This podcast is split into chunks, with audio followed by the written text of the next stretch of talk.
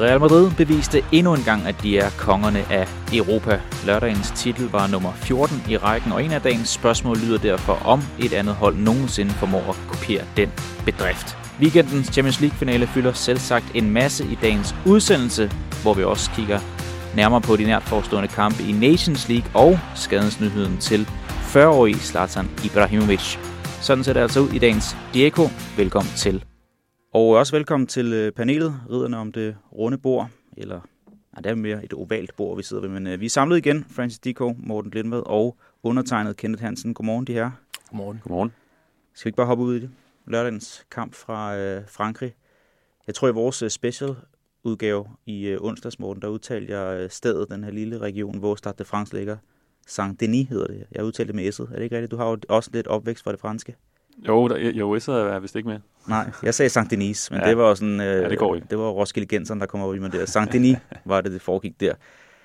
Hvad har I lyst til at starte med? Øh, selve det på banen, eller det, der foregik i øh, minutterne op til, der gjorde, at vi fik øh, forsinket finalen? For mig at se, det er på banen, men, øh, men det er ikke mig, der bestemmer. Jeg...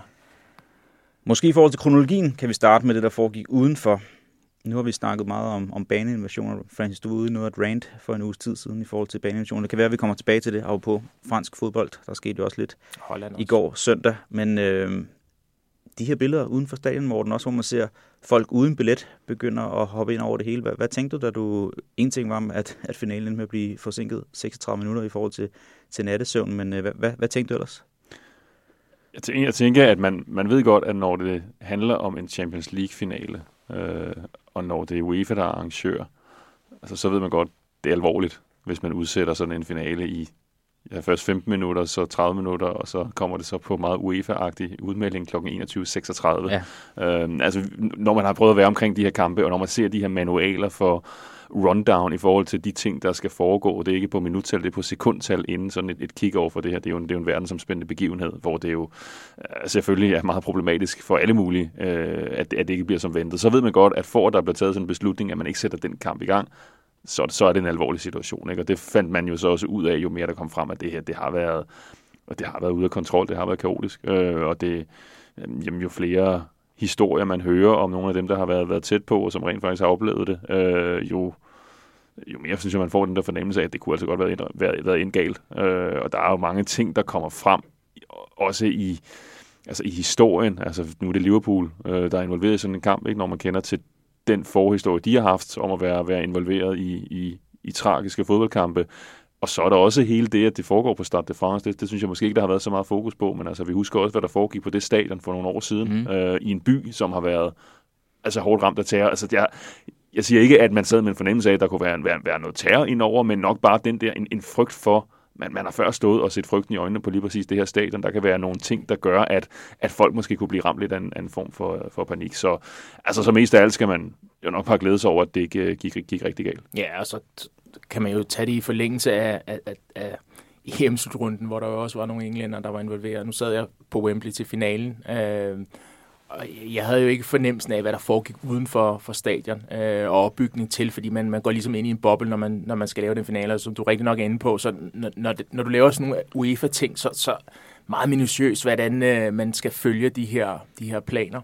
Øh, men når vi så har mulighed, haft mulighed for at se de her billeder udenfor, øh, så får man jo et indtryk af, at, øh, at, at, at det er kaos, der hersker. Øh, hvem der er skyld i hvad, øh, der vil jeg ikke begynde at pege fingre, fordi jeg er sikker på, at der også har stået nogen. Altså hvis vi tager det til at øh, Andy Robertson havde skaffet hans venner og familie nogle billetter, og de fik at vide, at deres billetter var falske, men så er der jo noget, altså, noget misinformation, som, som, som vi ikke kan sidde og, og pinpointe her, men... Øh, det, det er bare uheldigt. Det er bare uheldigt, at UEFA i de sidste to arrangementer, de har haft, events vil jeg hellere kalde det, som har været så store verdensomspændende, som du siger, at det er gået så galt. Øh, for det, det må vi jo kategorisere det som, altså det er gået galt.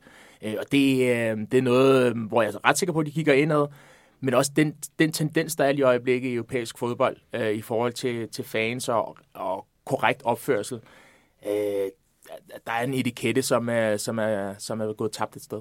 Jeg sidder, jeg sidder jo også med en, en følelse af, at det, at det altså for forudset, man vil jo ikke forestille sig altså nogle, nogle ting, som de her kunne ske, eller de her baneinvasioner. Altså, jeg husker, da jeg var i, i, i 2018 var rejst til den sydamerikanske finale for klubhold, Copa Libertadores-finalen i Buenos Aires mellem Boca Juniors og River Plate.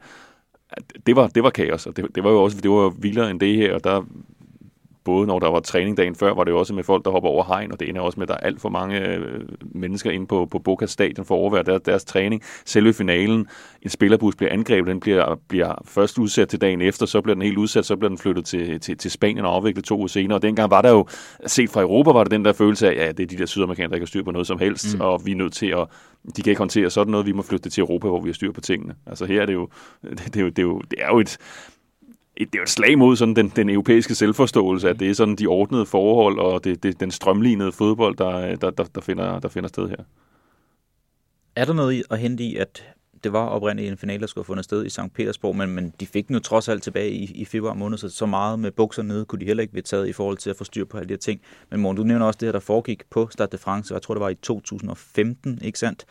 Altså, det var også noget af de, når man så nogle af de billeder, der blev delt fra, at, at folk de, øh, hobet sig op over hinanden og hoppet over øh, stadionmurene der og kom ind, hvor folk tænkte sådan, hvad var det ham, der han løb med i hånden? Altså, man tænkte på, kunne det være et nyt attentatforsøg, der var her? Det fyldte utrolig meget for mig, indtil vi fik øh, bolden til at rulle, og man ligesom fik fokus ned på banen igen.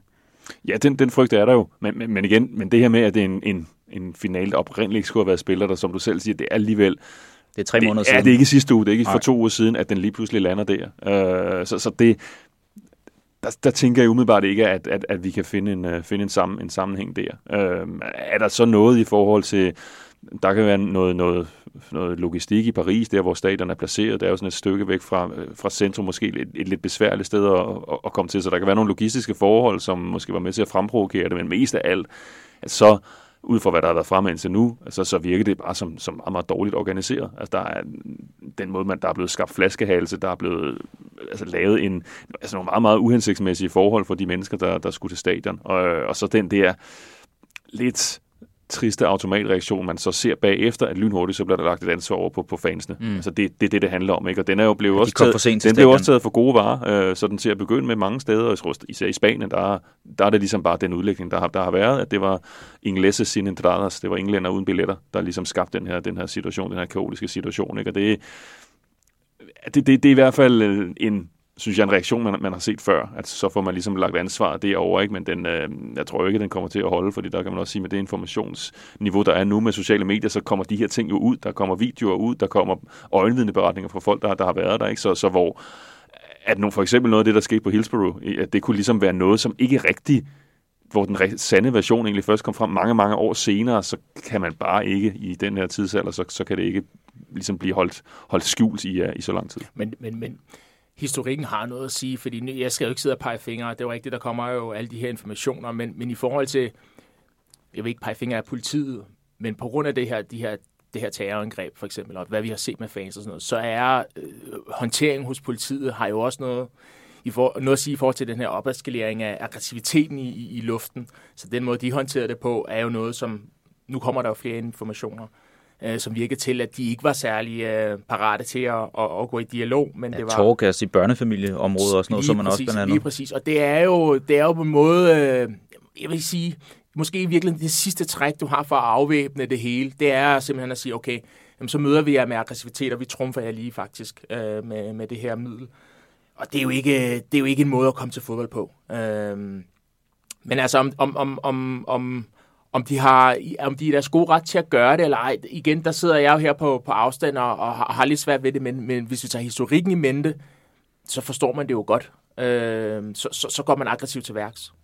Ja, jeg synes også, nu var jeg selv i, øh, i Paris til, til Champions League i efteråret. Det var, det var så ikke på Stade de France, det var på, på PSG's øh, hjemmebane Parc de France, da de skulle møde Manchester City. Og det var også, jeg vil sige, det er også en af de ja, man kan sige, mest anstrengende oplevelse, jeg har haft sådan i de senere, sådan at, at komme til en fodboldkamp. Altså, hvad, der, hvad det krævede at komme igennem, og altså afspærringszoner ude, ude foran stadion, det var, det var, det var, det var meget overvældende. Øh, og der, der synes jeg lidt, man fik et indtryk af, okay, altså det er Frankrig, der har været nogle ting gennem årene, øh, som både har haft relation til fodbold, men, men, men altså også altså nogle af alt, hvad der er foregået i, ja, i forstederne om, om, omkring Paris, som måske bare har skabt en, en situation, hvor det hele er eskaleret lidt, sådan så hvor man jo normalt siger, om det er et af de sikre valg, at man flytter den så fra St. Petersborg, så tager man en metropol som Paris og lægger den der, at, at lige nu er det måske bare ikke det, det allerbedste sted at, at lægge sådan noget. Nej, jeg synes her et par dage senere, det har blevet klar, svært at finde hoved og hale i, hvad, hvem der egentlig hvor, hvor, hvor skal skylden øh, lægges henne? Var det politiet? er det UEFA, der ikke har været ordentligt nok ude. Og selvfølgelig har du ikke billet, så bare lad være med at møde op på stadion, og i, i værste tilfælde lad være med at løbe hen over øh, murene og, og, og rende ind på en plads, der ikke er din. Altså det, det skaber bare endnu mere kaos. Så jeg synes stadigvæk her et par dage senere, det er svært at blive klog på, hvad der egentlig er op og ned i det her. Men øh, afviklet blev finalen med 36 minutters forsinkelse. Der var også noget på spillersiden i den her opvarmning, øh, Francis. Så du blev også spurgt ind til det på sociale medier omkring, øh, at spillerne selvfølgelig fik afbrudt deres opvarmning, deres faste rutiner i fodboldspillere er ufattelig meget rutinepræget mennesker. Og der var en særlig ting omkring Liverpools Thiago. Han blev jo øh, meldt tvivlsom helt op til øh, kampstart, og så under opvarmningen øh, kom så den melding, at øh, Naby Keita led ind i startopstillingen frem for Thiago. Og så stod han der 21-36 og, øh, og sang med på, på den her Champions League-hymne her. Prøv lige at tage os igennem det. Det var noget af en, en rutsbanetur. Ja, ja, der er jo ingen tvivl om, at den der ekstra tid har, har givet ham øh, den mulighed for at præparere sig til finalen. Men han kunne simpelthen nå at blive mere varm på 36 ja, minutter, eller hvad? simpelthen nå at få den ekstra behandling, blive mere varm, øh, udspænding. Øh, det er der absolut ingen tvivl om, øh, fordi det er noget med fornemmelse at gøre. Det lyder øh, helt vildt, synes jeg. Ja, Øh, men, men, men, men det er der ikke så meget tvivl om, fordi du kommer jo, som, som, øh, som Glenn var inde på, vi snakker om de her UEFA-slots. Altså, mange af tingene, det foregår altså, på minuttet. Og det er jo en følelse, du skal have i kroppen.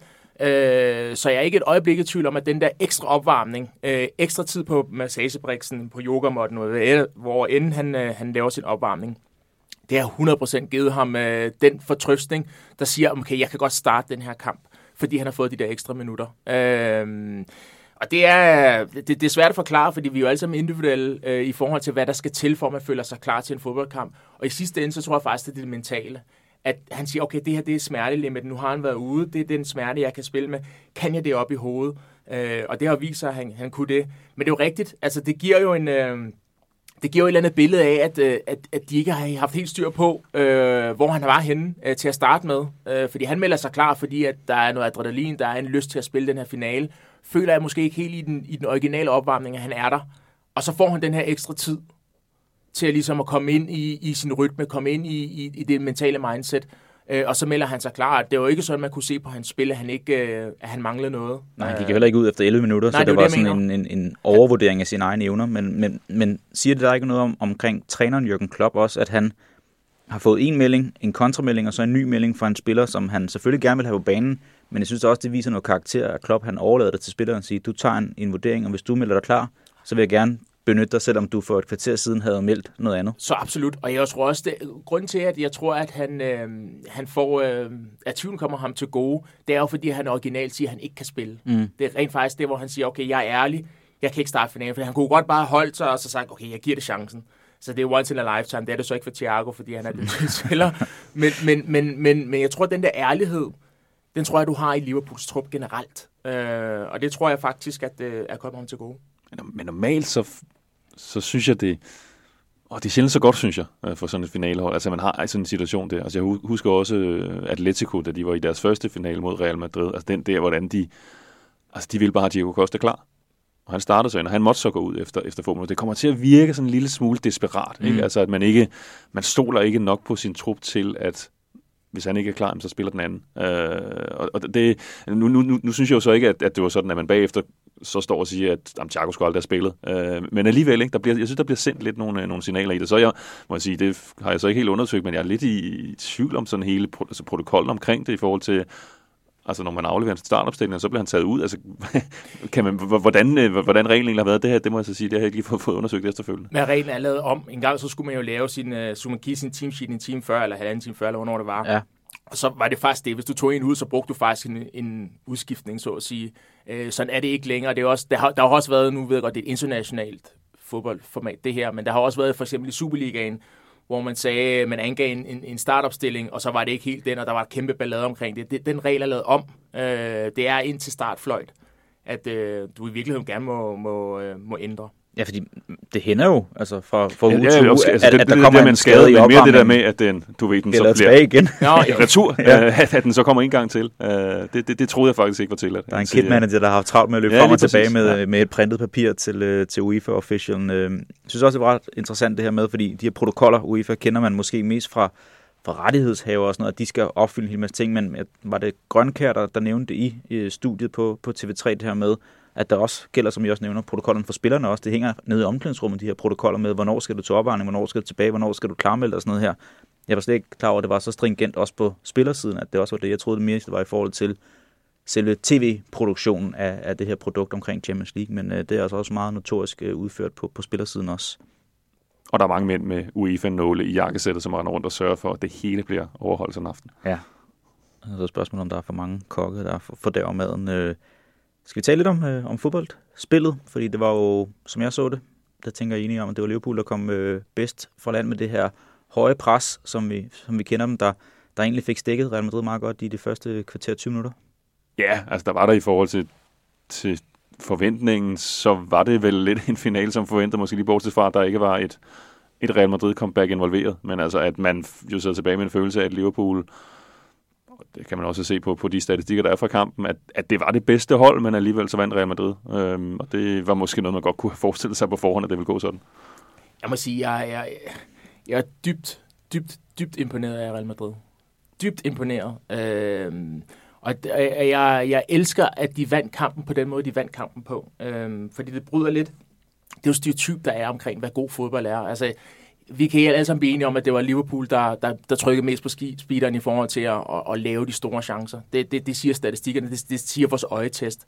Men jeg kan godt lide, at, at, at, at måden sejren kommer i, i mål på, det bryder de, de, de, uh, det syn, som folk har på, på, på god fodbold.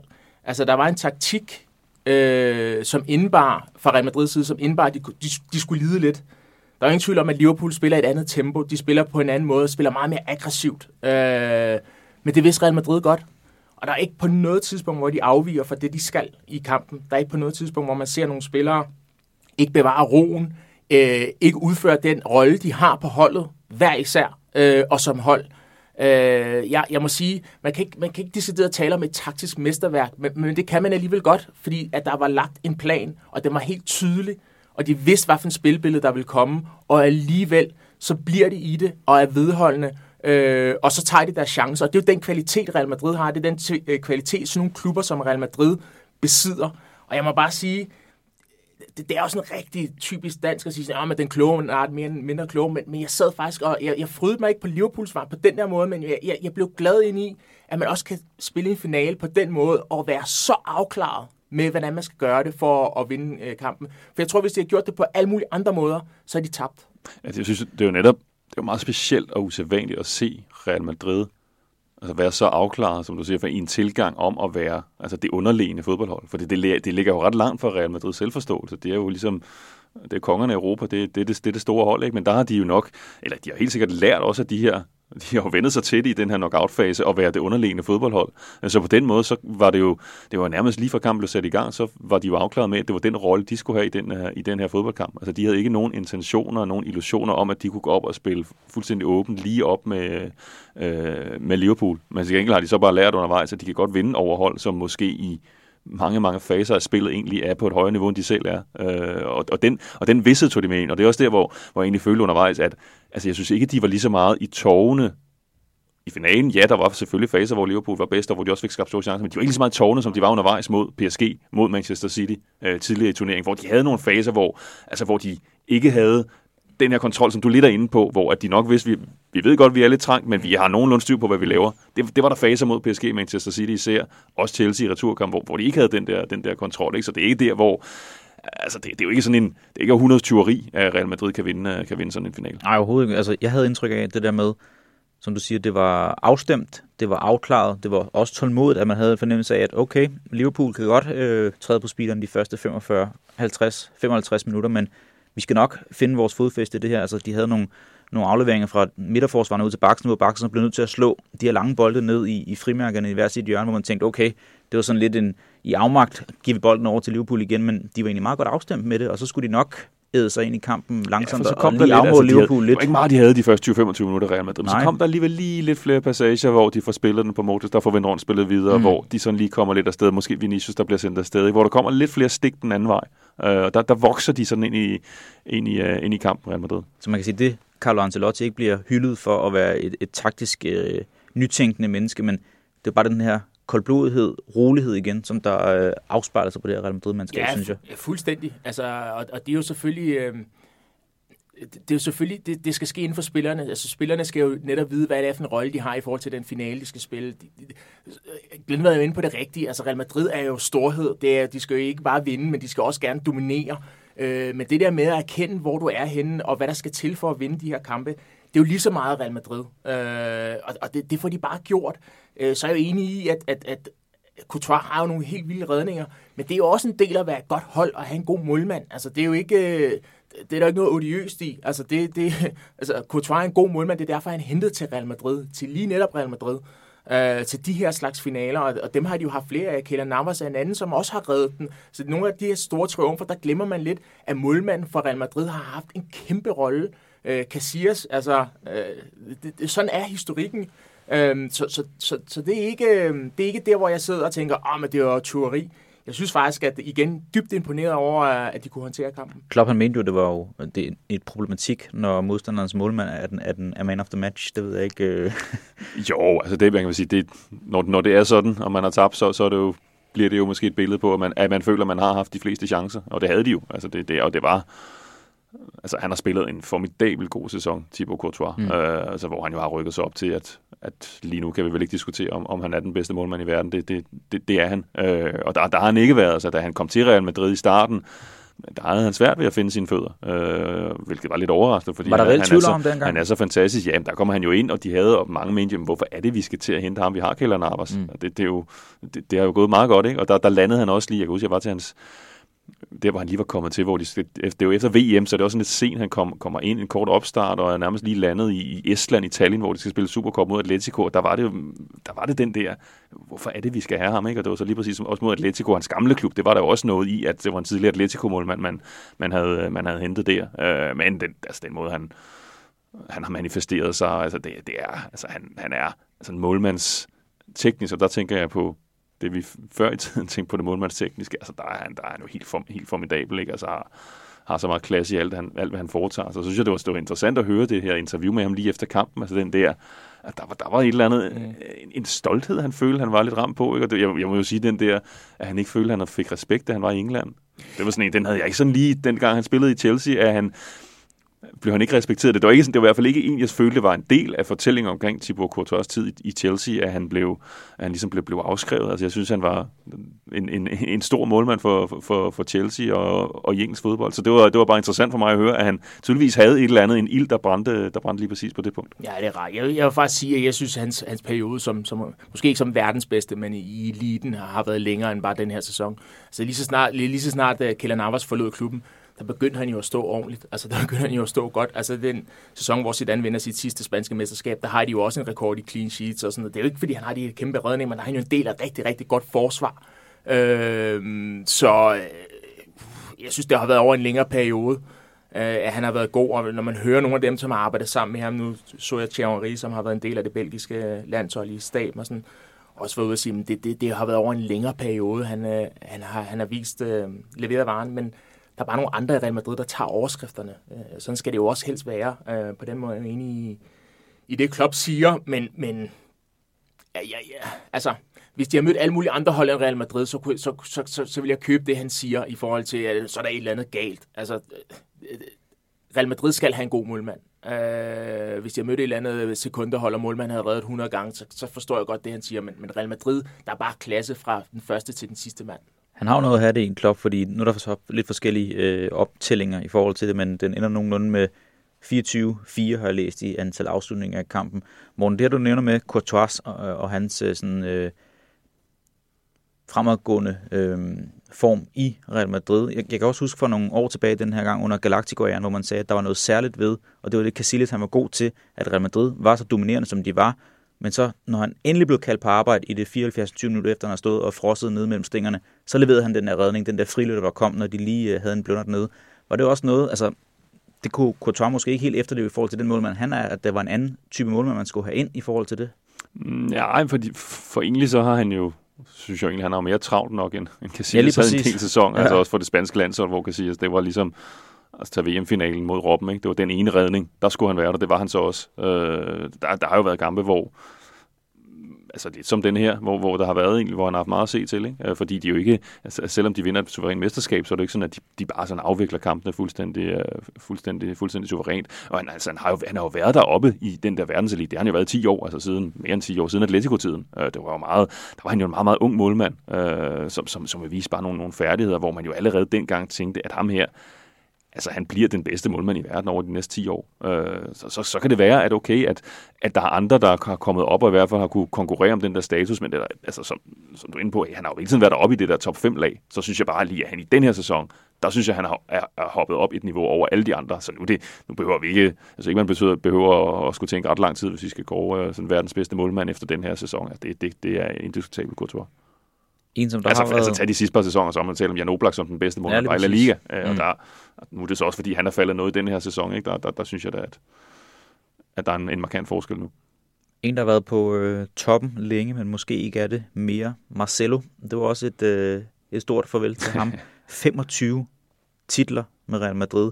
Nu var der den her øh, paradekørsel øh, efter lørdagens finale i Madrid skader, hvor at han også var meget øh, let til tårer der, og det var den her øh, farvel. Det er jo stadigvæk ikke helt officielt, at han stopper endnu, men det er det, man øh, går efter i, i klubben. Det er sådan hans aftryk på det. Jeg kan huske, at han kom til den her sydamerikanske indtog, der var med, med Iguain, med Di Maria og også øh, Gargo. Ja, det var, senere, Gargo. men det var, det, det var de der, ja, ja. Gargo, Iguain, Marcelo. Ja, hvor man tænkte, Marcelo måske, det er tynd øl for Fluminense, der kom der, men, men han har jo endt med at have været en utrolig lojal soldat gennem, hvad er det, 15 år efterhånden? Ja, øh, og det er også det, der gør, for jeg synes, det var, jeg var egentlig lidt spændt på at se det, da han står. Han er jo formelt anfører for, øh, for, for klubben nu.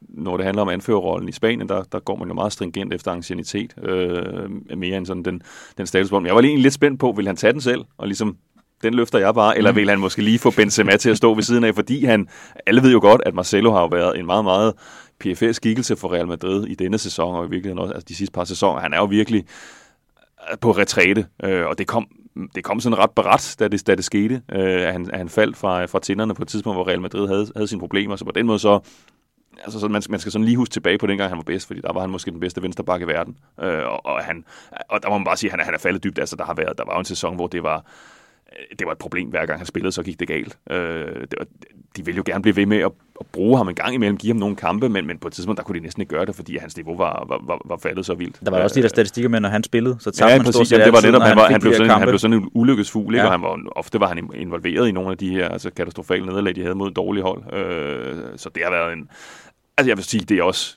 det er også på tide nu. Altså det, det, det skal ikke fortsætte, fordi at, der er hans, hans niveau simpelthen faldet for meget. Og det, og det er også, altså det, at det var overraskende, det skete så tidligt, fordi han er jo ikke, fordi han er voldsomt gammel. Altså mm. når man ser andre, andre spillere, der jo kører til langt op i 30'erne, så var det meget tidligt. Det var lige omkring de 30, at han, at han virkelig begyndte at, at falde i niveau. Ja, altså, de der to finaler mod Atletico i 14 og 16, altså helt outstanding. Ja, så, så, så giver jeg ham lige hans, hans blomster, fordi hvis vi forestiller os, der er et middagsbord med Paolo Maldini, Philip Lahm, måske Roberto Carlos, så sidder han der også. Altså, han er en af historiens allerbedste. Og jeg er jo enig, at det er gået hurtigt. Øh, fordi han havde jo det her topniveau, han havde det i lang tid, og har, har, jo, har jo han har jo på rigtig mange måder ændret, hvordan man skal spille venstre bak. Øh, I hvert fald finpudset det, finjusteret det. Måske ikke så meget ændret det, men han har finjusteret det i forhold til den offensive del, i forhold til playmaker-typen, i forhold til, hvordan man ser spillet i dag, trenden i dag, hvad man skal kunne ud for siderne. Røg det lidt, da Ronaldo også røg? Han havde et fortrinligt samarbejde med Ronaldo. Ja, det ved jeg, ved jeg, det skal jeg ikke kunne sige, om det var derfor. Øh, man havde netop en, en rigtig god øh, forståelse, indbyrdes forståelse med, med, med Ronaldo. Det, det, det kan da godt være, at der var noget i omklædningsrummet, eller hvad, hvad, hvad ved jeg. Men, men hvis vi ser på, hvordan man udfører venstre bakken i dag, vi ser det jo gerne med, med Trent Alexander, i, uh, Robertson på den anden side, er lidt mere, lidt mere en klassisk. Øh, hvis vi taler om, at man, er, man nu er en, øh, en spilstyrende bak, der, der har han jo siddet på, på, på, ja, på kongestolen i, i rigtig, rigtig lang tid. Ja, og jeg, jeg kan godt forstå, at det er ham, der løfter. Altså, jeg ved godt, der er det her med ancienitet, hvor lang tid man har været der, og sådan, men, men der er også en, en skikkelse i, hvordan man, øh, hvordan man gebærder sig, hvordan man er professionel, og hvordan man bliver ved med at tage det til det næste niveau. Øh, det har han gjort. Og de her 25 titler, det er altså fem Champions League-titler, fire øh, VM for klubhold, tre europæiske Supercups, seks La Liga-titler, to pokaltitler i Spanien og fem spanske Supercups. Det er meget pænt. Den er pænt at tage, tage med hjem til Brasilien. Ja. Lige en lille sidste kuriositet omkring øh, lørdagens finale, så læste jeg et øh, tweet fra vores øh, gode kollega Anela Mominovic, der siger, at det er ret vigtigt at have en, øh, en kroat i startopstillingen i, i Champions League. Hun, øh, hun listede, at øh, der har været en kroatisk vinder af Champions League. Nu her med øh, Luka Modric i 2022, helt tilbage til 13. Mario Mandzukic, det er altså, øh, jeg bliver det så 10 eller 9 sæsoner i streg, at der har været en kroatisk vinder. Er det en, der, der, der har, I har faldet over? Ja, man kan også tage Carlo Ancelotti som træner, så er man også ja. meget, meget godt på ja. vej. Men Mandzukic i 13, Modric i 14, Rakitic i 15, Modric og Kovacic i både 16 og 17 og 18, og Lovren i 19, Perisic i 20, Kovacic i 21 med Chelsea, og nu altså Luka Modric med Real Madrid i 22. Det er meget pæn statistik. Skal man bare lige skrive sig bagved. Sådan en lille fodboldnation på størrelse med Danmark. Ja, den, ja. den, er, den, er, den er noteret. Er der andet, vi skal have med fra, fra lørdagens finale i sådan... Øh, Hvordan var den sådan i historisk perspektiv? Det var jo noget også, vi talte om i den her optagsudsendelse, at det var to af de gamle kæmper, øh, nogle af de klubber, der har vundet flest europæiske titler. Var, var det også præget af det? Jamen, jeg synes, jeg synes jo også, den her, jeg tror, mange har sikkert set den, der, den her statistik, som jeg bare bliver ved med at fortsætte. Altså det her med de spanske hold i finaler mm. mod ikke-spanske hold. At det var den 17. finale i træk i Champions League, Europa League eller den gamle UEFA Cup, øh, hvor et spansk hold har stået over for et hold fra et andet land, hvor det spanske hold har vundet. Og det, det er jo altså det, det er sådan helt forrygt. Jo mere man tænker over det, jo mere man går alle de her finaler igennem. Øh, og det, det må man sige, at nu har man haft en følelse af i de sidste to, tre, fire år, at der var ved at komme et skifte. Altså de engelske klubber var ved at tage over i forhold til, til de spanske, men de bliver altså ved med, med at slå fra sig. Altså nu har man så set det i en Champions League-final, men også altså sidste år, der, der tror jeg, jeg tænkte, ah, nu, nu må det jo stoppe. Altså vi har det aldrig mod Manchester United i en finale. Den må United da vinde, ikke? men det gjorde, det gjorde de altså heller ikke. Øh, over før, det var så ikke mod et engelsk hold, det var Sevilla mod Inter, øh, hvor, hvor Sevilla vandt. Ikke? Så det er, det, det, er meget, meget, det er meget, meget imponerende, ikke? og jeg tror også, der, der, der ligger altså også noget i det der, hele det her Real Madrid historien, hvor vi, vi har talt om det før, men altså det er den 8. finale i træk, de vinder i Champions League. Altså, var det 81. det siden, så tabte en finale i Champions League? Ja, det er, altså, som, som de jo selv siger dernede, at Real Madrid, de spiller ikke finaler, de vinder finaler, ja, ikke?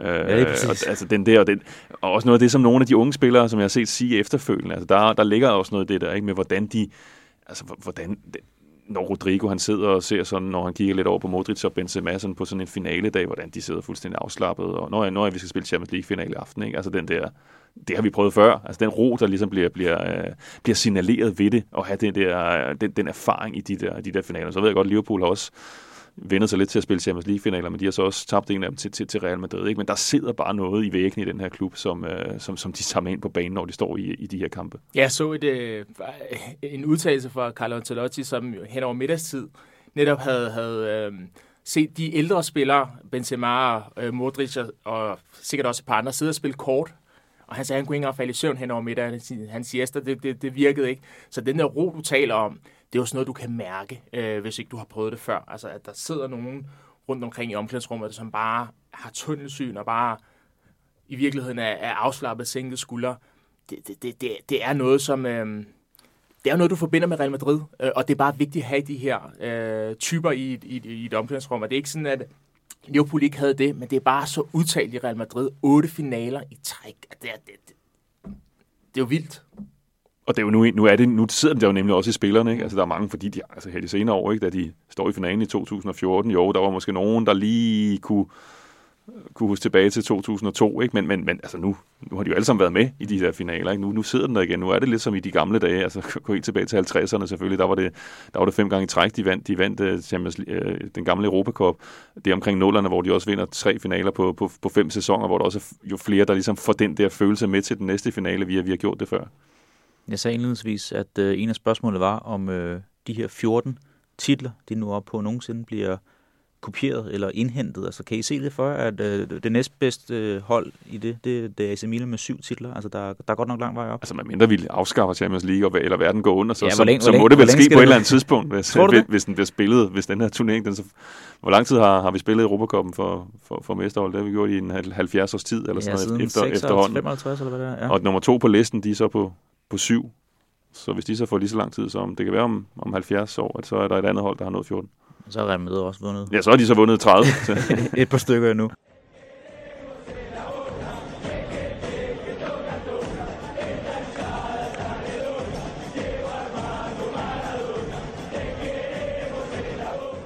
Godt, lad os prøve at hoppe øh, videre i programmet. Faktisk lige gribe noget af det, du sagde, Morten, det her med betydningen for spansk fodbold, at de bare vinder de her finaler også. Og der er den her magtkamp, der kører mellem engelsk og spansk fodbold, hvem er førende der, men det fik vi måske bevist lidt, hvis vi skal ret fokus på noget af det andet aktuelt omkring transfermarkedet, fordi Diego Carlos, en øh, meget dygtig forspiller for Sevilla, en af de bedre La Liga stopper gennem de seneste par sæsoner, er jo skiftet til Aston Villa, der har blevet nummer 11-14 stykker i Premier League de seneste par sæsoner, efter de rykket op. Det siger jo også noget om, hvor magtbalancen er hen. Hvad, hvad tænker du omkring øh, det her skifte? Fik vi ikke øh, cementeret nogle ting igen, som vi allerede godt vidste? Jo jo, fordi det, det er jo det er et skifte fra et spansk Champions League-hold til et engelsk midterhold. Øh, og alligevel så er det jo helt logisk sådan finansielt i forhold til, hvor, hvor, hvor de klubber står. Så det er også derfor, at altså, logikken taler jo for, at den der spanske dominans, den, den, den burde stoppe. Altså, at de kan da ikke blive ved med at vinde over, over engelske klubber, som har, som har, større, som har større ressourcer. Øh, så, så der er der, og selvom, selvom de så holder den der statistik liv, så synes jeg jo, der har været et skifte. Hvis du ser på antallet af Champions League finalister, øh, hvem er det, der har domineret? England er også gået forbi på koefficientranglister og alt det her, ikke? Så, så, så er det, så synes jeg ikke, at, at vi kan diskutere, at Premier League er stærkere end La Liga. Det synes jeg bestemt, den er. Det kunne man diskutere for, for nogle år siden. Der, der, der synes jeg, det var, det, det, det var helt åbenlyst, at det, var, at det forholdt sig på, på den anden side. Men, øh, men lige nu, så synes jeg, at det er, det er Premier League, hvor den bedste fodbold bliver spillet. Francis, vi er jo et tidspunkt nu her, hvor øh, klubsæsonen er gået på held. Nu er det den her off-season-sæson, der, der kører nu med diverse transfergurer, der melder alt muligt ud. Du har stået i situationen her. Har du sådan en, en personlig beretning omkring, en sommer, hvor du vidste, at du skulle videre fra en klub, hvor at, øh, din telefon var lidt mere rødglødende end normalt. Hvordan foregår de her uger, hvor man ved, at øh, et, et skifte skal ske? Øh, jeg har ikke nogen konkret, som er, som er særlig spændende, øh, altså historie, men, men, men det er da klart, at... at hvis du, du har skiftet klub nogle gange. Jeg har skiftet klub et hav af gange, og også hen over, hen over sommeren. Øh, og, og, og det er klart, det kan være det kan være sådan lidt angstprovokerende, men det kommer også an på, hvad for nogle øh, aftaler du har med din, øh, med din rådgiver. Mm. Øh, der er rigtig mange spillere, som også er ude og sige, jamen, vi vil ikke høre noget, før at jeg skal ind og skrive under på en, på en kontrakt. Men kommer det ikke også an på, hvad for en sæson man har haft? Altså hvad for en øh, indgangsvinkel man kommer ind til offseason i? Altså har man været rigtig god, så ved man nok godt, okay, der vil være, helt sikkert være nogle interesserede klubber, men har du også mødt nogen, hvor de faktisk er i tvivl om, øh, hvor langt ned i niveau skal jeg, før jeg kan finde mig en ny arbejdsgiver? Ja, særligt til sidst i min karriere. Øh, der er også et spørgsmål om, hvad, hvad, hvad, hvad, du, hvad vil du med dit fodbold? Altså handler det, så er der nogle andre ting, der kommer i spil. Er det det økonomiske, der, der er det vigtigste? Er det, det, det altså, livet ude for banen? Er det det spillemæssige? Øh, der er jo rigtig mange parametre, der, der, skal, der skal gå op i en højere enhed, før man synes, at pakken er, er den korrekte. Øh, men, men man har altid en indikation om, hvor man ligger henne. Man har altid en indikation om, om, om om man er um, hot, så at sige, om, om, om, om man er en, som, som klubberne kigger efter, om man, man kan være en brik, som en, en klub kan bruge. Øh, men, men jeg tror, det handler meget om, hvad for en aftale du har med din, med din rådgiver i forhold til, hvor meget du ved, og hvor meget du kigger på din telefon. Fordi hvis du har en aftale om, at, at det første, når du skriver under, jamen så behøver du ikke at, at koncentrere dig om andet end lige præcis, når, når telefonen ringer, fordi så ved du, at det er noget, noget, noget vigtigt, du skal tage, til at forholde dig til. Så jeg, jeg vil sige, det, det er svært for mig ligesom at gå ind og sige, hvordan der er den normale øh, indgangsvinkel til det, øh, fordi det er meget, meget individuelt, hvad, hvad folk vil have ud af det. Har I blivet mærke noget? Nogle transfer-ting, som der allerede brygger nu her, som I tænker, der kan være afgørende for, hvilken sommer vi går imod? Ej, vi er ikke stadig lidt ved de på det indledende sonderinger. Det var også derfor, den kom netop den her.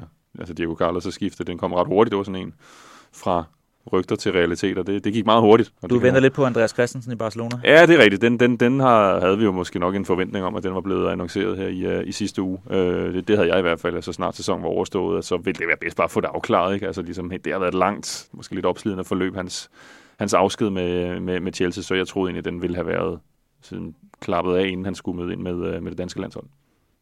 Lad os gå videre med AC og det danske landshold får lagt ret fokus mod øh, noget af det, der venter i de kommende uger, hvor Nations League står for døren. Vi har jo netop fået sagt øh, farvel til klubsæsonen, inden en øh, ny slags sæson. Den venter den her periode på øh, godt 14 dage, hvor der skal spilles en masse landskampe. Danmarks med pulje på 10 dage skal møde Frankrig, Østrig, Kroatien og så Østrig igen. Skal vi øh, starte med at snakke lidt omkring det? Hvad, hvad har I af forventninger til øh, Julemands trup og øh, de her fire kampe, der venter på, på 10 intense dage? Jamen, det er jo en vigtig periode. Uh, det er jo især en vigtig periode for, for det danske landshold, fordi at vi ved, at forberedelsestiden til selve VM-slutrunden er, er minimal. Uh, og derfor, alle de gange, at Kasper Juhlmann kan have truppen mellem hænderne, um, der, er det, der er det kostbar tid. Um, og så er der jo den her, den her turnering, som, uh, som vi lige har afviklet, altså skulle jeg sige EM, uh, som virkelig fik nationen med på, på fodboldvognen. Øh, se, hvor meget det har ændret, at det danske landshold både spiller på den måde, de gør, men også har den, den succes, de har. Øh, og det momentum er man jo forpligtet til at, at, at forsøge at ride videre på. Altså både at, at udvikle spillet, men også, øh, også begejstre samtidig. Og det tror jeg er noget, de er bevidste omkring. Um, så det er jo det er en, det er en super vigtig periode, og jeg, jeg, jeg vil sige, hen over sommeren, altså sidste sommer, hvor der var em der, der fik de mig med på vognen. Øh, jeg har ikke været, og det har jeg jo sagt ærligt, jeg har ikke været decideret fan af det danske landshold. Jo, jeg selvfølgelig vil man have, at det går dem godt, men ja, det er ikke sådan, jeg for hver en pris skulle sidde og se det danske landshold, for jeg synes, der har været meget langt mellem den gode kvalitet og, og underholdningsværdien jeg vil sige, i sommer, der, der, der, der røg jeg med, og, og, og det er også derfor, jeg sidder med, en, øh, med, med sådan en lille smil på læben, når jeg, når jeg ved, at vi går ind i sådan her periode, også selvom at, øh, at det er sidst på sæsonen for mange af de her spillere. Francis, nej, hun skal Morten. Francis, han nævner det her med, at, at det er jo en af de sidste samlinger, vi har, øh, men så stadigvæk med fire kampe på 10 dage. Hvordan tror du, Julma, han øh, gør sig af tanker omkring, at han skal have noget ud af det, han skal have, præpareret noget tid frem til VM, men der er også lige de her fire kampe, der skal afvikles i en turnering, der, der trods alt har en eller anden øh, betydning. Ja, altså, altså der er, der er jo klart noget ved trupudtagelsen, som, som skal ses i det her lys, at, at der venter det her VM uden, uden særlig forberedelsestid. Ikke? Og det er der, hvor man kan selvfølgelig, man kan selvfølgelig diskutere det, men man er i hvert fald bare nødt til ligesom at anerkende den, den præmis, at det er, vi, vi, man kan ikke sammenligne det med noget før. Vi har aldrig haft den der situation, hvor VM skal spilles på den måde, og at der ikke rigtig er nogen forberedelse i selve slutrunden. Øh, så, så, der er, så, så vi kan ikke rigtig gå tilbage og sige, hvordan gjorde den træner? Gjorde han noget af det samme? Øh, der, der, der, der, der, er det, der, der er det meget specielt. Øh, og så er det jo, altså det er jo store kampe, øh, og det er jo også der, hvor Altså, jeg, jeg, jeg glæder mig til den her periode. Ikke? Det er jo, det får jo lidt karakter sådan en minislutrunde. Uh, jeg ved ikke, om det danske land nogensinde har spillet sådan fire kampe i en sammenhængende periode, uden at der har været tale om en slutrunde. Uh, så så, jeg, så jeg, jeg håber jo lidt, at også for, altså sådan for, hele, for hele nationen med al den begejstring, der er omkring landsholdet, at den ligesom kan blive vækket lidt til liv igen. Selvfølgelig bliver det ikke EM-feber uh, øh, på, på, på det niveau, men... Uh, men altså, vi kan, vi kan godt komme op, og det kan blive en, øh, en rigtig fed periode. Og det er ligesom også den der, altså, man skal også huske at, se på det positive, ikke se på, på, på, øh, på, på alle problemerne, ikke? fordi det synes jeg, der har været meget fokus på, at jamen, det er også sent på sæsonen, og der er slidte spillere, der er trætte spillere, og der er nogen, der ikke spiller så meget, ikke? men altså, sidst de spillede i parken, det var mod Serbien 3-0, altså det var, det var forrygende, og sådan er, har det jo bare været at følge det her danske hold, ikke? og så tror jeg, det er, jeg tror, det er meget godt for, sådan for Danmark i den der situation, at rækkefølgen af kampene, altså man tager, starter med de to sidste udkampe, og så altså kan hele den der parken magi, der er i øjeblikket, den må kunne løfte dem, så det er ligesom de sidste kræfter i sæsonen, man kan få, få hævet frem til, til de der to sidste kampe, at man ikke skal slutte med at rejse til Kroatien eller, eller, eller Østrig en af de sidste. Jeg synes, det er interessant i forhold til forberedelsen, det er jo, at, at vi jo også til, at Danmark til slutrunden også skal møde Frankrig. Altså, hvordan Julemand spiller sin kort ud. Øh, hvad er det, han forsøger at, at opnå med den kamp, udover selvfølgelig at vinde fodboldkamp. Men hvad, hvad er det for nogle taktiske ting, som han tror, han også kan bringe videre, og hvad er det for nogle ting, han ikke vil afsløre for tidligt. Øh, fordi alt andet lige, så er VM-slutrunden jo noget vigtigere end, end de her Nations League-kampe. Men omvendt er du også nødt til at præstere, for ellers så, altså du er nødt til at præstere godt, for ellers så, så, så, så får du altså ørerne i maskinen, når du, når du møder en nation som Frankrig. Så, så, så, så, så den her periode er super speciel for, for Julemand, øh, Vihorst og, og den øvrige trænerstab, og selvfølgelig spillerne. Øh, for jeg, jeg er ikke sikker på, at de får en ting at vide, som, som, øh, som de ikke kan bruge senere, men, men spørgsmålet er, hvad for nogle redskaber, øh, som bliver det primære øh, til, den her, til den her samling. Man kan jo sammenligne lidt med de her Belgien-kamp, vi også havde i Nations League, hvor vi så også skulle møde dem i kamp 2 ved EM-slutrunden. Og der var det her særligt ved, at man havde forberedt sig meget særligt på en speciel rolle til Christian Eriksen. Han var så ikke med i det her opgør mod Belgien. Jeg ikke håber, at det bliver et tilfælde, at man, man forbereder en gameplan mod Frankrig for at, at teste af, inden at det går løs øh, i Katar om nogle måneder og der så opstår en eller anden øh, mærkelig situation igen, som den vi oplevede i sommer. Hvis vi lige skal øh, sætte på på øh, Nations League som helhed, vi talte jo for et par uger siden omkring, øh, hvorvidt Conference League i UEFA-regi har været en øh, succes. Hvor står I hen omkring øh, Nations League? Man gik jo fra at, at barbere mange af de her værdiløse træningskampe væk uden øh, nerve, uden gnist, og det lavede til, at øh, rigtig mange af spillerne fandt en undskyldning for at få meldt afbud, at der var en eller anden øh, tog, der gjorde ondt, eller en eller anden lignende, men man har jo fået barberet nogle af de her afbud væk, synes jeg.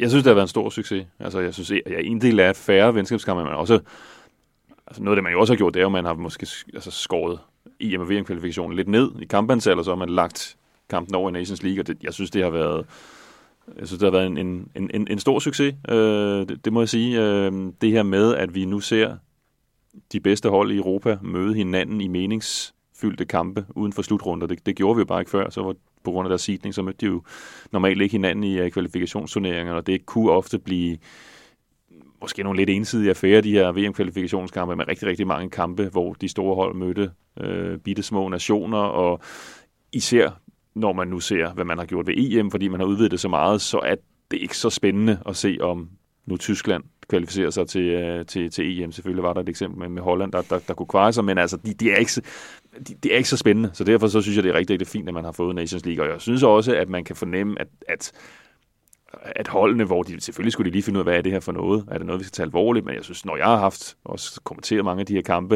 altså når jeg har oplevet de der store nationer stå mod hinanden, ikke, så, så, så, så kan det altså noget. Så er det noget, der bliver, der bliver taget alvorligt. Øh, så bliver det ikke bare set som lidt glittede, øh, glittede testkampe, og, og jeg synes især de her slutspil, der har været, de her Final Four-turneringer, først i, i Portugal og, øh, og så sidste år i Italien, det er, altså det, det synes jeg har været store, store små, øh, små turneringer, hvor der er blevet spillet, spillet rigtig, rigtig god, god fodbold. Francis, har du også indtryk af, at øh, sådan den almene fodboldinteresserede har helt forstået, hvad Nations League er for en størrelse, og hvad det betyder at vinde Nations League, hvad for nogle døre det kan åbne? Ja, det tror jeg nok. Jeg synes faktisk, det er implementeret øh, øh, rigtig, rigtig fint. Men jeg, jeg, jeg vil faktisk gå den anden vej, for jeg er jo enig, når jeg sidder som, som fodboldfan og, og ser de her store kampe, så der, der, der ser jeg den her gnist. Jeg har faktisk set noget, noget, noget kvalitetsfodbold, men jeg kan ikke lade være at være være en lille smule bekymret, fordi jeg ser flere og flere af de store spillere brokse over det. Vi så Courtois sidste år, vi har lige set De Bruyne. De Bruyne i går var ude og sige, mm, altså, han, han, han synes ikke om det, øh, fordi de netop spiller kampe på så højt niveau, så sent i sæsonen, med så meget øh, lidt forberedelsestid, øh, og så slidte kroppe. Altså, der er flere og flere af de store spillere, som begynder at sige, at øh, det her, det er ikke, øh, det er en... Øh, nu skulle jeg til at tale, tale, tale hollandsk, men at det er en, det er en, det er en træningskampagne for UEFA, som... Det vil jeg gerne høre, hvad det hedder på hollandsk. Kampagne øh, men, men, men at det simpelthen er et show, øh, som spillerne ikke har noget at skulle sige, og vi, vi så Courtois faktisk sidste år være meget, meget bramfri i forhold til, hvad han synes om det, og det var ligesom repræsentant for, for hele det belgiske hold, øh, og vi ser igen i år øh, flere spillere, som, øh, som, som, som er ude at sige det samme, men når kampene så foregår, så, så, så har jeg sådan en indtryk af, okay, så parkerer man det lidt, så betyder det noget, både statusen, prestigen, øh, øh, niveauet, når du skal spille mod din, øh,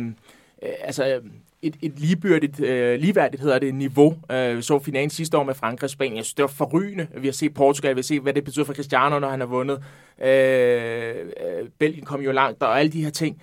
Men, men jeg, jeg, jeg, jeg, altså, jeg kan ikke lade være som tidligere spiller og, og, og at ryge mere og mere over i deres båd. Øh, for i sidste ende, det må ikke blive rovdrift på de her spillere. Altså så kritikpunktet er, at det er endnu en turnering, der tager nogle af de her friterminer, de kunne have haft øh, Hvor til de netop at restituere. Kunne, kunne, restituere mm. og, og sådan lige sige, okay, jeg kan ikke lige komme til den her, fordi den, men det her, det er vigtige ting, og vi ved, som, som Glenn siger, når de stiller op, så stiller de op, og så spiller de fuld blus, og, og, og, og i sidste ende, du har kun én krop, øh, og som de siger, der er ikke nogen af dem, der træffer beslutninger, der har spillet på det her niveau, og ved, hvad det betyder, når de kommer tilbage. De har tre ugers pause. Tre ugers pause, og du spiller over 50 kampe. Det er ikke nok. Ej, det er så, hvad kan man sige, det er, det, det er så også en anden diskussion, det her med den her meget specielle termin. at Det er jo en konsekvens af VM i Katar, som ligger i efteråret. Så man jo, for, altså normalt så skulle Nations League jo ligge efter VM i i efterårets terminer, hvor der normalt skulle spilles landsholdsfodbold. Det er jo sådan det, der var meningen med det hele, men der har man jo så måtte, måtte vende rundt på det hele for at få, få dem lagt ind. Og det er rigtigt. Der kan man selvfølgelig diskutere, øh, at det er så hensigtsmæssigt på det her tidspunkt. Og der er jo også der er jo nogle spillere, de kommer ind og skal spille de her kampe efter, at de har måske, der er måske gået to-tre uger, før deres liga, liga lukkede ned, og hvordan har de sådan skulle, øh, skulle holde sig i gang med, med, med henblik på, på, på det her. Øh, men jeg synes, altså, jeg kan nogle gange, når, når den diskussion kommer, altså ja, ja, når vi ser det fra spillernes synspunkt, så klart, at altså, der er noget rovdrift, men, men ja, der, hvor det også nogle gange kan blive lidt hyggeligt, det er, når klubberne de brokker sig. Øh, altså når man så hører, altså hvad, hvad gjorde Barcelona sidste uge? De rejste til Australien for at spille en opvisningskamp efter sæsonen var, var lukket ned. Ikke? Så er det, det bliver, altså, så kan jeg ikke tage det seriøst, når man så, hvis man så samtidig skal høre fra sådan en klub, der skal så beklage sig over, at nu skal der også spilles landsholdsfodbold. Det er også for dårligt. Øh, fordi vi ved godt, at hvis ikke der skal spilles landsholdsfodbold, så vil de formentlig bare ration rundt. Ikke? Og det kommer de så til at, til at gøre, gøre, gøre, gøre hen, over, hen over sommeren. Jeg kom til en øh, uh, sekunderkamp for Spanien i går, hvor at, uh, Valladolid angriber Sean Weissman, han uh, var med til at afgøre, at de rykkede op, men han skal så møde ind i den israelske landsholdslejr nu. Han har fået lov til at blive lidt længere for at spille den her sidste spillerunde søndag, men uh, han kunne ikke være med til at fejre deres oprykning, fordi at han skulle på et øh, charteret fly mod øh, den israelske landsholdslejr og kunne slet ikke deltage i den her festivitas. Altså, så tager man lidt af glæden af det at være fodboldspiller ud, synes jeg. Ja, ja, og det har jo hele, altså, der har jo været et efterslæb, som vi måske som så går direkte over i det her usædvanlige VM-år, men altså efter corona med de her kampe, som han har lidt har skulle indhente. Øh, så, så derfor altså, så, så har det jo været en, en meget, meget hård tid, ikke? og det er jo blevet, og, og der har man jo været totalt modvillig i forhold til sådan noget, at, at skære noget fra. Øh, og det er der, hvor man sagtens skal være kritisk, hvor man kunne have sagt, da coronaen hervede, den sidste udgave af Nations League, altså, det var jo, skal man ligesom droppe den, den udgave, fordi at, at vi er i den situation, vi er. ikke. Men det, det valgte man jo så ikke at gøre. Der var det jo, vi så det her med, at det, den udsatte Champions League-finale blev jamen, den blev spillet hvad, en eller anden aften i august, og så halvanden uge senere, så startede så den nye sæson med, med, med Nations League, altså hvor vi så de her spillere, som mødte ind, som jo nærmest ikke havde holdt ferie og var, var helt rundt på gulvet, og så skulle man, skulle man, skulle man, øh, skulle man stille hold. Ikke? Så, så der, der, der, der, så man jo virkelig det der med, at altså, the show must go on, ikke? Altså, vi, vi har ikke råd til at, at aflyse fodboldkampe eller udsætte turneringer. Hvad glæder I mest til i de kommende uger? Øh, nogle kampe, et eller andet, og få svar på noget? Altså, ja, Danmark selvfølgelig, det, det siger sig selv, men altså, der er jo en, der er en gruppe, hvor England, Italien og Tyskland, de, øh, de skal stå over for hinanden, ikke? så der bliver jo, der bliver jo fede kampe i, i alle runde. Vi har et lokalt derby, sådan Francis Dico derby mellem Belgien og Holland, øh, som, som bliver stort. Så er der det iberiske derby, Spanien og Portugal, så der er nogle rigtig fede, øh, fede sammensætninger. Så, ja, så glæder jeg mig faktisk også lidt til onsdag aften, øh, hvor, det, hvor det, Ja, det har så ikke noget med Nations League at gøre, men der får vi jo så skabt, og det kan man så, om det så er en... Flere kampe, flere Jamen, det, netop er det sådan en kamp, vi har brug for, men øh, der har man jo simpelthen genoplevet den øh, gamle Intercontinental Cup-turnering, ja. eller finalen, altså mellem de sydamerikanske og de europæiske mestre. Så vi har jo sådan en stor oppustet finale, finalissima, som den så fint skal hedde, mellem Italien og, og Argentina, der skal spilles på et udsolgt, uh, udsolgt uh, Wembley. Uh, så det er ligesom det, der, der, der, der, der starter det hele. det er, jo, det er jo rigtigt, det kommer så, det er endnu en kamp, man ligesom putter, putter oven i det hele, men omvendt så synes jeg også, den, at det, det kan noget, det der med at se de der to mester, mester mod hinanden. Det er jo simpelthen første gang, den her finale bliver, den bliver genoplevet siden Danmark spillede den i Argentina i, i 93. Den berømte Jakob Kjeldberg. Jakob Kjeldberg mod Maradona.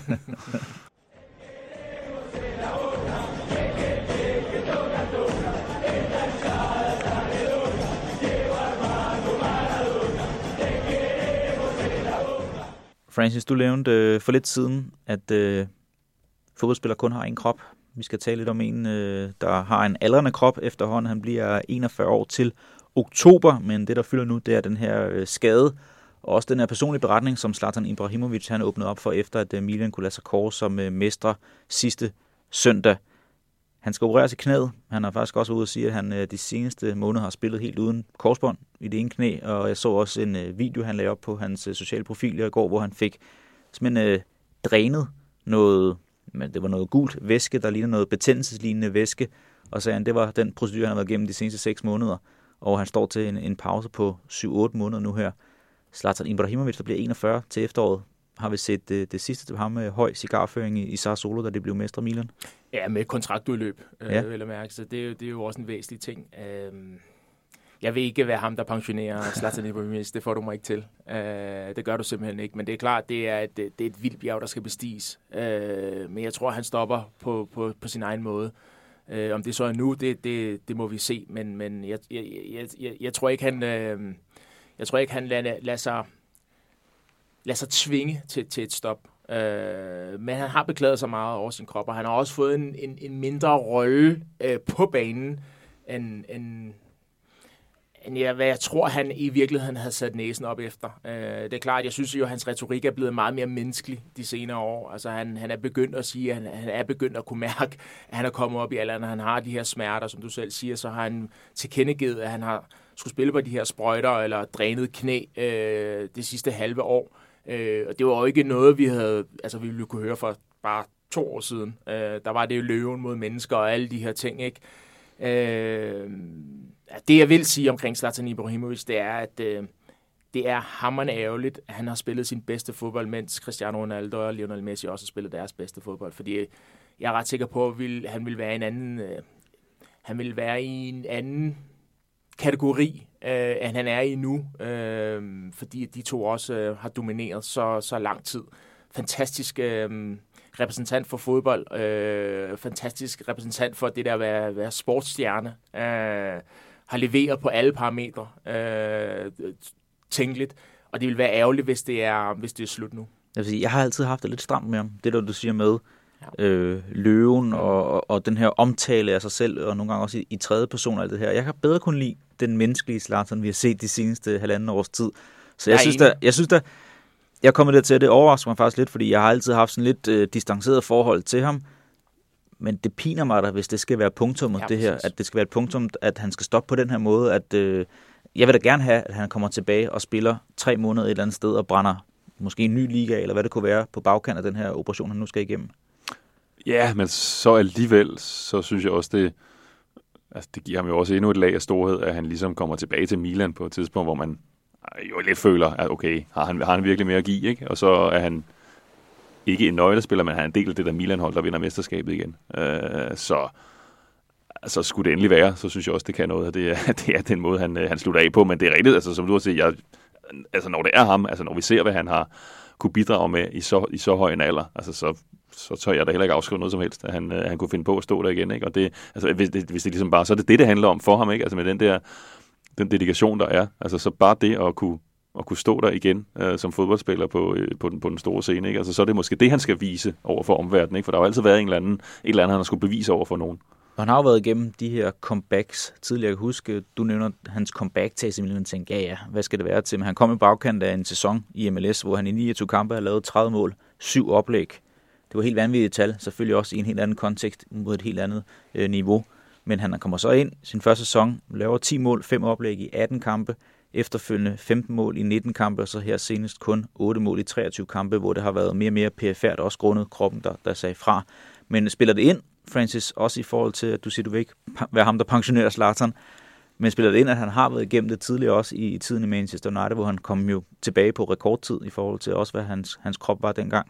Altså spiller ind, om han, kan, om han kan gøre det endnu en gang. Om din tro på, at han kan gøre det igen? Ja, det, Fordi det, jeg tænker, for mange andre 40 år, der vil det her være slut. Ja, der er ingen tvivl om, at hvis han har sat sig for, at han, øh, han ikke er færdig, så, så kan han godt komme tilbage igen. Han fik jo også comeback på det svenske landshold, der var han jo også færdig. Og, og de der ekstra kampe, øh, vil man normalt sige, var, var noget, som, som ikke er særlig godt for kroppen. Men man kan også sige, at han har jo netop fået en lidt mere perifær rolle i forhold til, til spilletiden i AC Milan, så, så, så det gjorde ikke nogen forskel. Men nu er han endegyldigt færdig der. Øh, nu, handler det, nu handler det om, tror jeg, at gå ud på den måde, han gerne vil gå ud på. Er det med en skade? Men trods alt med, med et kæmpe mesterskab. Ja.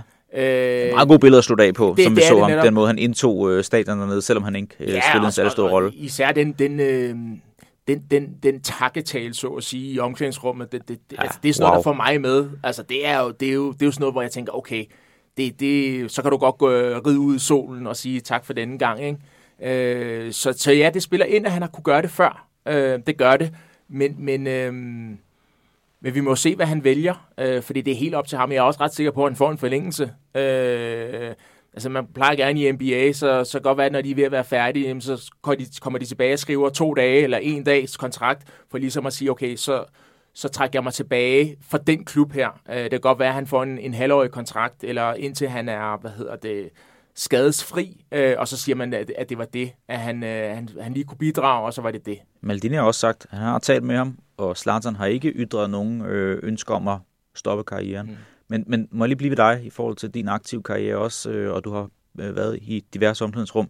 Men det her med, at han går ud og siger, at han har spillet seks år uden et korsbånd. Altså, hvordan pokker det overhovedet muligt, han kunne træne og spille? seks måneder? Seks måneder. Ja. Har du oplevet noget lignende, at en spiller har været så skadet og alligevel har kunnet slæbe sig gennem træningspas og deltage i nogle kampe? Nej, ja, altså jeg har været øh, vidne til, at folk har haft nogle vanvittige skader, hvor man tænker, at det, det kan simpelthen ikke lade sig gøre, men, men, men, men du kan jo træne muskulaturen heldigvis med korsbånd. Altså vi har jo set folk spille kampe færdig med, med et overredet korsbånd, eller et flosset korsbånd, eller en flosset menisk eller noget, og så fordi muskulaturen er så stærk, at, at, at så kan du så kan du, øh, hvad hedder det, mm, så kan du komme igennem det. Og man siger jo, den dag i dag at det ikke nødvendigvis et indgreb, der skal til for at fikse det der inde i knæet, og det kan du faktisk godt træne op. Øh, så spørgsmålet er, hvordan, øh, hvordan det reelt har været med, med knæet, og i forhold til den dramaturgi, som han gerne vil have, have ud i sit budskab. Men, men ja, altså kroppen kan nogle helt sindssyge ting, og hans seneste ret lange skade, der kom jeg jo tilbage på rekordtid. og der er nogen, der sådan rent genetisk mm, ja, jeg kan et eller andet, som, som, som er svært at forklare. Øh, men øh, det er måske derfor, han har været så bombastisk i sine udtalelser, når han siger, at han ikke er, han er Gud, og han er løve, og han er alle de ting, som, som du og jeg synes måske er lige for meget det gode. Han har i hvert fald givet den gas med den der retorik der. Morten, hvis man lige skal ridse hans karriere op, Ajax, og så til øh, AC Milan, Inter, Juventus, FC Barcelona, Paris Saint-Germain, Manchester United, LA Galaxy, AC Milan igen nu her. Francis nævner det her med, at man har nok talt om ham i øh, lidt større vendinger, hvis der ikke havde været en øh, Lionel Messi og Cristiano Ronaldo. Hvor vil du sådan rangere ham henne fra det nye øh, årtusinder frem? Og, og så tror jeg også, man ville have talt om ham i større vendinger, hvis ikke størstedelen af hans karriere var blevet udspillet i CA i en tid, hvor CA har tabt det terræn. Altså, det, ja. det er også en del af det, og det er jo ikke for at tage, tage noget fra ham, men, øh, men i den tid, hvor Premier League har været så dominerende, og hvor Barcelona og Real Madrid har, har været så dominerende, altså så, så er det jo som om, at for ligesom at skulle, hvis han skulle op virkelig, og vi reelt skulle måle ham med, med Messi og Cristiano Ronaldo i, i den periode, ikke, så, så, så skulle han have været på et bedre hold, ikke, og så havde han jo forløbet i Barcelona, det ved vi godt, hvordan, hvordan det gik, at det, det blev ikke noget, noget, noget lykkeligt ægteskab. Øh, så, så det har jo også været, øh, været en del af det, ikke? og så var, havde han selvfølgelig sine, sine store år i PSG, men stadig på et tidspunkt, hvor PSG jo var i Europa, det der hold, som ja, som jo ikke rigtig kunne komme videre for 8. finaler og kvartfinaler. Ikke? Så når vi sådan taler om, nu har vi brugt meget af den her udsendelse på at tale om Champions League-finaler, altså dem kan vi ikke tale så meget om, når det handler om, om Zlatan Ibrahimovic. Og det er jo der, hvor, hvor der er også en grund til, synes jeg, at man, at man så ikke løfter ham helt derop. Godt. Jeg ved i hvert fald, at jeg skal en tur til Malmø, hvis øh, han nu øh, bebuder, at han skal derhen og spille en, en halv sæson, måske på den anden side af nytår. Det er ikke sikkert, at han får lov til Nej, det, han, han, han, han har jo lidt øh, engagement i Hammerby, så det er nu med, at den her statue er blevet... Øh, Ja, den er blevet øh, smadret til ukendelighed, der står ude foran øh, stadion i Malmø, men øh, vi følger op på, hvad der foregår med Zlatan Ibrahimovic. Om det var slut, eller om han stadigvæk har et øh, halvår eller et par gode måneder i sig endnu. Inden vi runder af, så tænker jeg lige, at vi skal vende noget, der også fyldt meget i sidste udsendelse, de her baneanimationer. Har I set nogle af de her klip fra, fra Saint Etienne søndag aften? Ja, det, det er... Det, det er sådan lige netop, over det, ja, det, og det er nemt, faktisk noget af det, som jeg tror, du var inde på, altså, der, der hvor altså, Ja, hvor at, altså, den, de næste skridt, ikke, der mm. kommer, altså, hvor det der, det var jo meget ubehagelige scener, altså, hvor man tænker, godt, det er mig, der var, altså, der var dernede. Synes I, det virkede koordineret, eller var det impulsivt? Ja, de gik jo efter spillerne. Ja, og altså, de havde... Selvfølgelig var det koordineret. De vidste jo godt, at hvis de røg ud, så ville de gå ind og angribe spillerne. Mm. Det er da helt sikkert. Øh, og det er det, der er så skrækkeligt. Øh, det, det, det, er, det er jo det næste skridt. Jeg glemmer, at du har helt ret. Altså, fordi... Øh, vi så også i går i Holland, øh, der var en øh, nedrykningskamp, øh, eller det hedder faktisk en oprykningskamp, Ejder Den Haag mod Excelsior, og der var det så øh, Den Haags fans, der løb ned mod Excelsiors fans og skød fyrværkeri over i deres... Øh, så, der, så, så der var to episoder i går, hvor vi, øh, hvor vi tænker, at det her det er menneskeangreb. Øh, I Holland var det så ikke mod spillerne, der var det fangrupperinger mod hinanden, og i Frankrig var det jo så mod spillerne, så at sige, og deres vrede i, at San Etienne nu skal forlade Ligue 1. Øh, og jeg vil sige, for mig er det, er det jeg, jeg kan ikke finde ord på, hvad, hvad, altså, hvor meget foragt jeg har for den der handling. Øh, for det der med at angribe spillere, som har givet alt, hvad de har, og det ikke var nok, fair nok, men at, at angribe dem på den måde, øh, det er... Åh, oh, jeg, kan, jeg kan ikke finde ord for det. Øh, og vi har også set det lidt ude for banen. Det var så sidste år. Øh, Schalke 04's øh, spillere, der blev jagtet af deres egne fans. Øh, ukvemsord og alle de her ting. Fair nok. Men det der med, at vi så spillere løbe mod deres biler, det er, det, det, det er ikke kønt. Og det er for, for, for dem, der ikke lige er med, hvor det handler om. Altså, det er Saint Etienne, som jo er en af de store franske traditionsklubber, øh, som endte med at, at rykke ned. Og det gjorde de efter sådan en uh, playoff-kamp, hvor de taber efter straffesparkskonkurrence til, til Auxerre. Ikke? Så, det er, så, det, så det er på bagkant af en straffesparkskonkurrence, og det er også lidt... Altså, Altid et lotteri. Ja, ja det, ja. Den så, så, så, så det er den der, kan, kan man virkelig, hvis man, skulle, hvis man skal tro på, at det er en spontan handling, så kan man virkelig kunne tro på, at man kan blive så rasende over, at man taber en straffesparkskonkurrence mod spillerne, ikke? Mm. Det er voldsomt. Ja, det var, det var rigtig, rigtig grimme billeder faktisk. Altså man, man sad og tænkte, jeg faktisk ikke kunne finde opdateringer på, om der er nogen af spillerne, der endte med at være kommet til skade i mild eller, eller slem grad, men det var, det var langt over grænsen af det til, det der. Det blev lidt kedeligt, punktum, men øh, lad det være ordene for i dag, Morten Glindvad og Francis Dico. Tak, fordi I øh, igen har lyst til at kloge jer i studiet her. Selv tak. Selv tak. Og øh, vi er altså tilbage med øh, mere Diego om en øh, uges tid. Vi har ambitioner om at køre på stor del af sommeren. Måske med noget øh, Nations League eller andet. Vi finder i hvert fald noget at tale om øh, om en uges tid. Tak fordi I lytter med. Og øh, på snarligt genhør til mere Diego lige her på Podimo.